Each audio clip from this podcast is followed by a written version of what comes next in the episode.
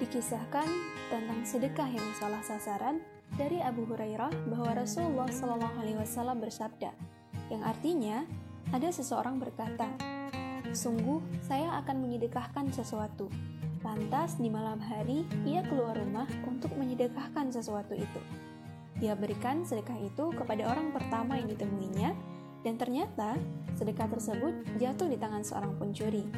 Kemudian Pagi harinya, orang-orang ramai membicarakan bahwa tadi malam ada sedekah yang diberikan kepada pencuri.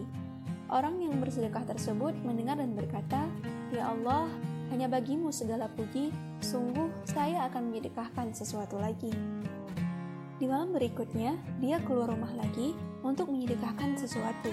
Tanpa dia ketahui, ternyata sedekah tersebut jatuh ke tangan perempuan yang berbuat maksiat Kemudian pagi harinya, orang-orang ramai membicarakan bahwa tadi malam ada sedekah yang diberikan kepada seorang pelacur.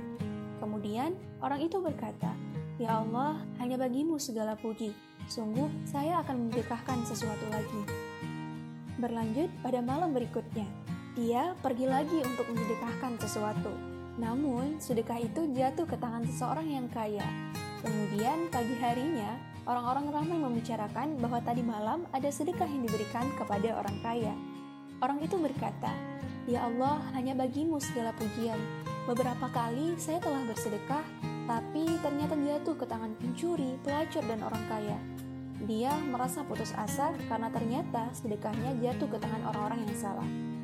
Lalu saat dia tidur di malam hari, dia bermimpi ada seseorang yang datang lalu berkata kepadanya, Adapun sedekahmu kepada pencuri, mudah-mudahan menyebabkan ia berhenti dari mencuri. Sedang sedekahmu kepada pelacur, semoga ia segera berhenti dari zina.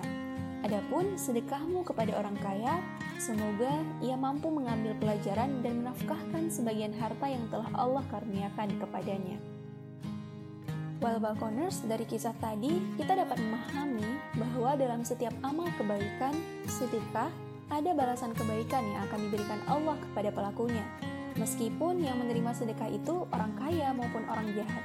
Artinya, jika tidak tepat sasaran pun akan tetap ada balasan. Namun, jika ini terus terjadi, sebaiknya kita mengulang kebaikan itu hingga tepat sasaran. Jangan menyerah untuk berbuat kebaikan. Sedekah itu tidak terbatas dengan uang, namun tenaga, pikiran, bahkan senyuman adalah sedekah. Sedekah bisa dilakukan secara sembunyi-sembunyi dan juga bisa dilakukan secara terang-terangan. Sedekah bisa dilakukan kapan pun dan di mana pun. Sedekah itu tidak mensyaratkan kita harus sudah bekerja, sudah jadi sarjana, atau bahkan sudah jadi seorang pejabat. Sedekah itu bisa dilakukan siapa saja, asal dengan niat ikhlas dan bertujuan untuk kebaikan. Mudah bukan? Jadi, alasan apa lagi yang membuat kita tidak bersedekah atau menunda kebaikan yang satu ini? Jika tidak sekarang, kapan lagi?